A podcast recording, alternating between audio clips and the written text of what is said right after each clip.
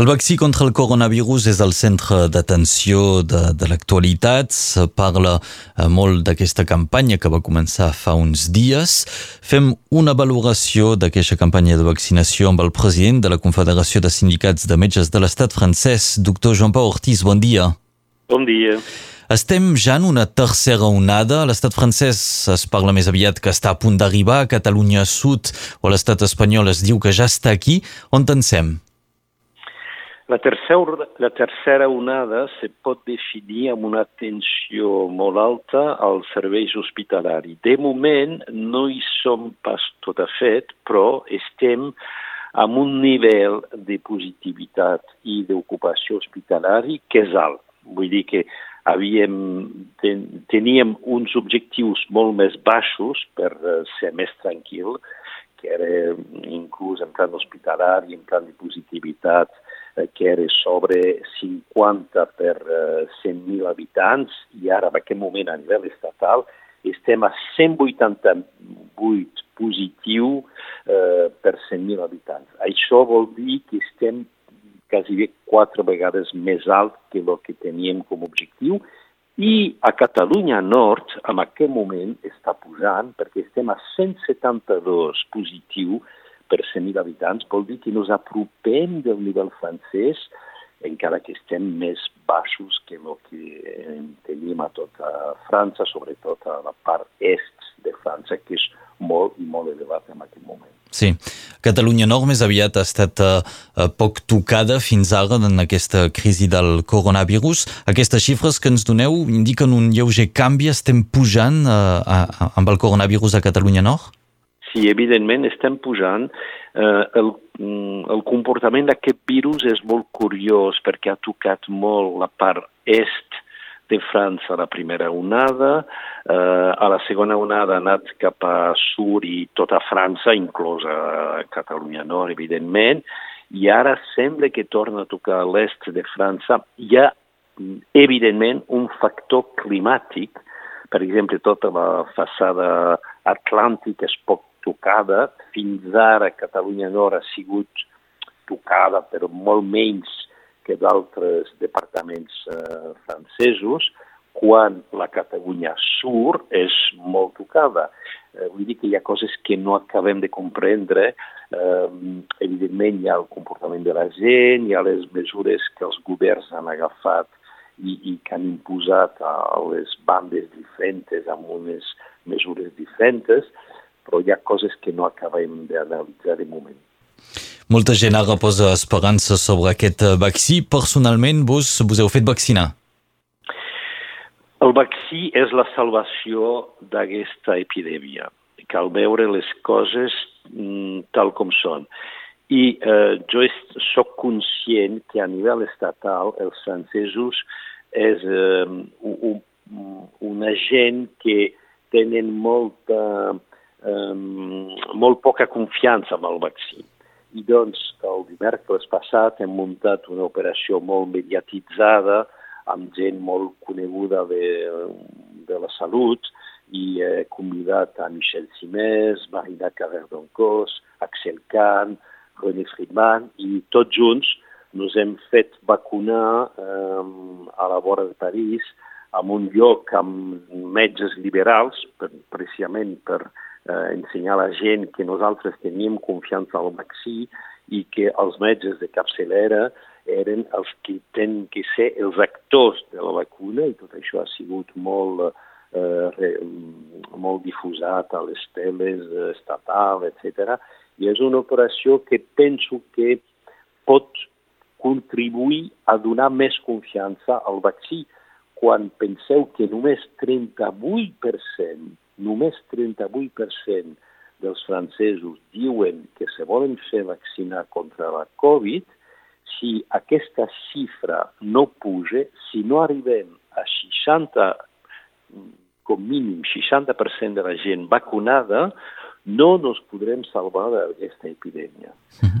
la, la xifra que tenim que arribar és per mínim 60, entre 60 i 70% de la gent vacunada. Vull dir sí, que això és essencial perquè si no, no tornarem a sur nos tornaran a confinar i no podrem sortir dels problemes que tenim. Sí. Doctor Joan Pau Ortiz, des de que doncs, us han fet aquesta vacuna, cap efecte secundari? Re, re.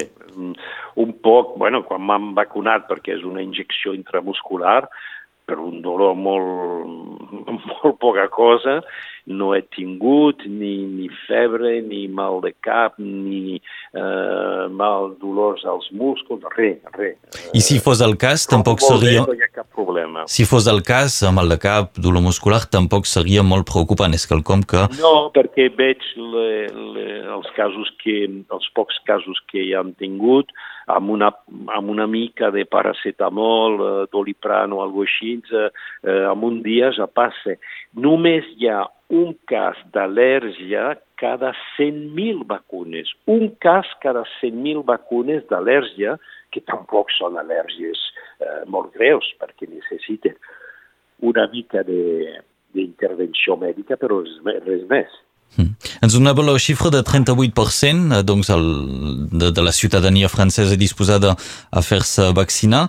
Com, com expliqueu que hi hagi aquesta reticència que mm, potser en països veïns, a l'estat espanyol o què, no, no, no retrobem tan forta? Les coses s'estan movent una mica. Um, la xifra de 38% era la xifra de final de desembre l'últim eh, l'última pregunta que han fet els francesos, ara arribem a 46-48%. Hem guanyat 10 punts des de fa 15 dies. I penso que les operacions com la setmana passada han contribuït, no han fet tot, evidentment, però han contribuït. Quan a Espanya, per exemple, a nivell estatal espanyol, hi ha una confiança de 65%. Alemanya són a 70%. Som els països més baix, però això des de fa molt i molt temps, perquè el francès és una persona que sempre té dubtes i hi ha tot això del fake news que, que van dient coses que són totalment anticientífiques, que són falses, però mm, la gent mm, té aquella dubte, no? Eh, aquella vacuna és molt recent i és segur aquella vacuna i no, no tindrà efectes secundaris i tal. Són preguntes que em fan, que em fan a, a la consulta, per exemple. I jo dic a la gent, no, no, no hi ha cap problema, jo m'he fet vacunar i, i no he tingut cap efecte secundari. Vull dir que el valor d'exemple que el, el, el personal sanitari pot donar és molt important. Perquè actualment, finalment, sobre aquests vaccins, quines dades tenim? Les úniques són les que donen els mateixos laboratoris? El laboratori fa estudis clínics i els dos laboratoris, Moderna i Pfizer, han fet estudis clínics amb per l'un 40.000 persones i l'altre 30.000 persones. Però ara, en aquest moment, eh, tenim a nivell mundial, estem entre 3, 3 i 4 milions de persones vacunades i, i potser més perquè eh, les coses van molt ràpid. Eh, això vol dir que si hi hagués efectes secundaris eh, ja podríem tenir eh, l'alerta dels efectes secundaris si hi hagués.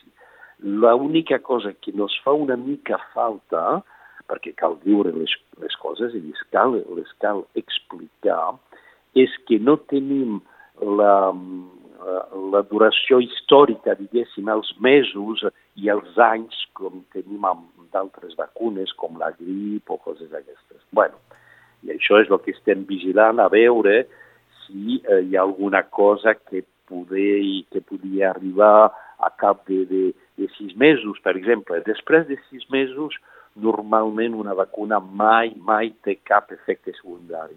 Mm. Sis mesos ja les tenim amb la fase d'estudis clínics dels laboratoris i no han, no, no han um, donat cap alerta. bueno, uh, a la fase um, de la gent, diguéssim, de tothom, encara no les tenim. Però no es té que calcular així. Se té que calcular una reflexió benefici-risc. Si em faig vacunar, quin risc tinc? Molt poc, quasi bé res. Si no me faig vacunar, quin risc tinc? evidentment, de fer un Covid.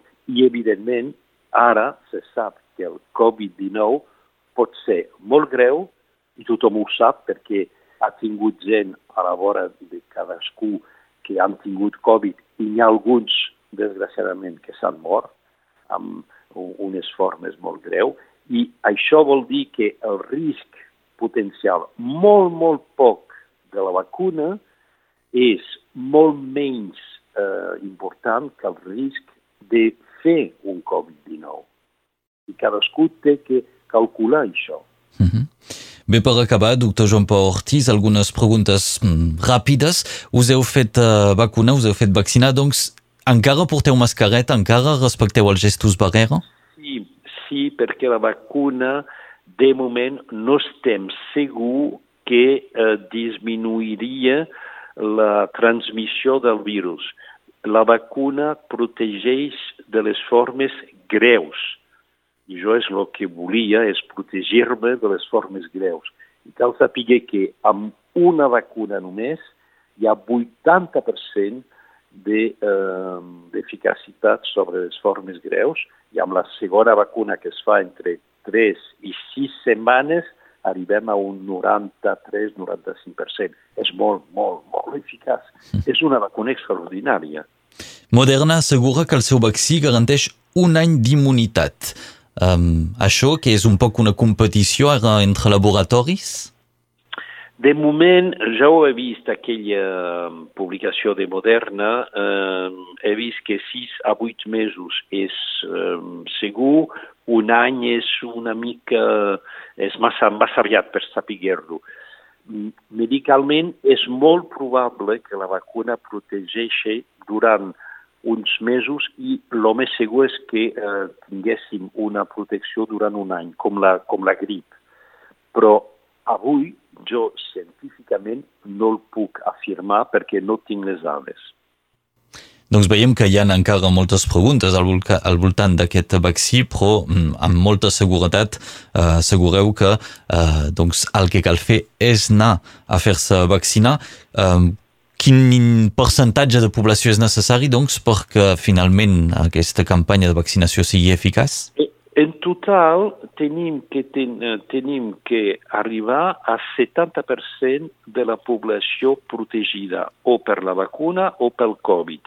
I com se calcula que el Covid eh, al, llarg dels mesos arribarem a un 10%, la, la xifra que tenim com a objectiu és 60% de la població vacunada i eh, jo penso que la la, la gent se té que vacunar, sobretot la gent més grana, i a partir d'aquest dilluns la gent de més de 75 anys se podran fer vacunar, inclús a Catalunya Nord.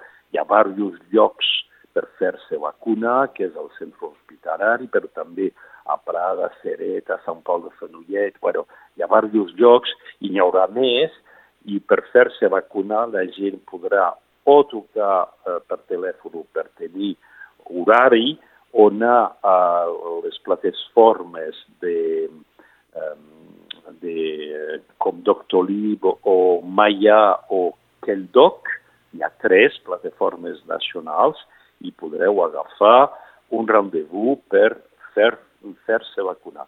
I tothom mm, a partir de 75 anys el dilluns i després baixarem a 65, etc. En quant al personal sanitari, a partir de 50 anys, tot el personal sanitari se pot fer, ser vacunat.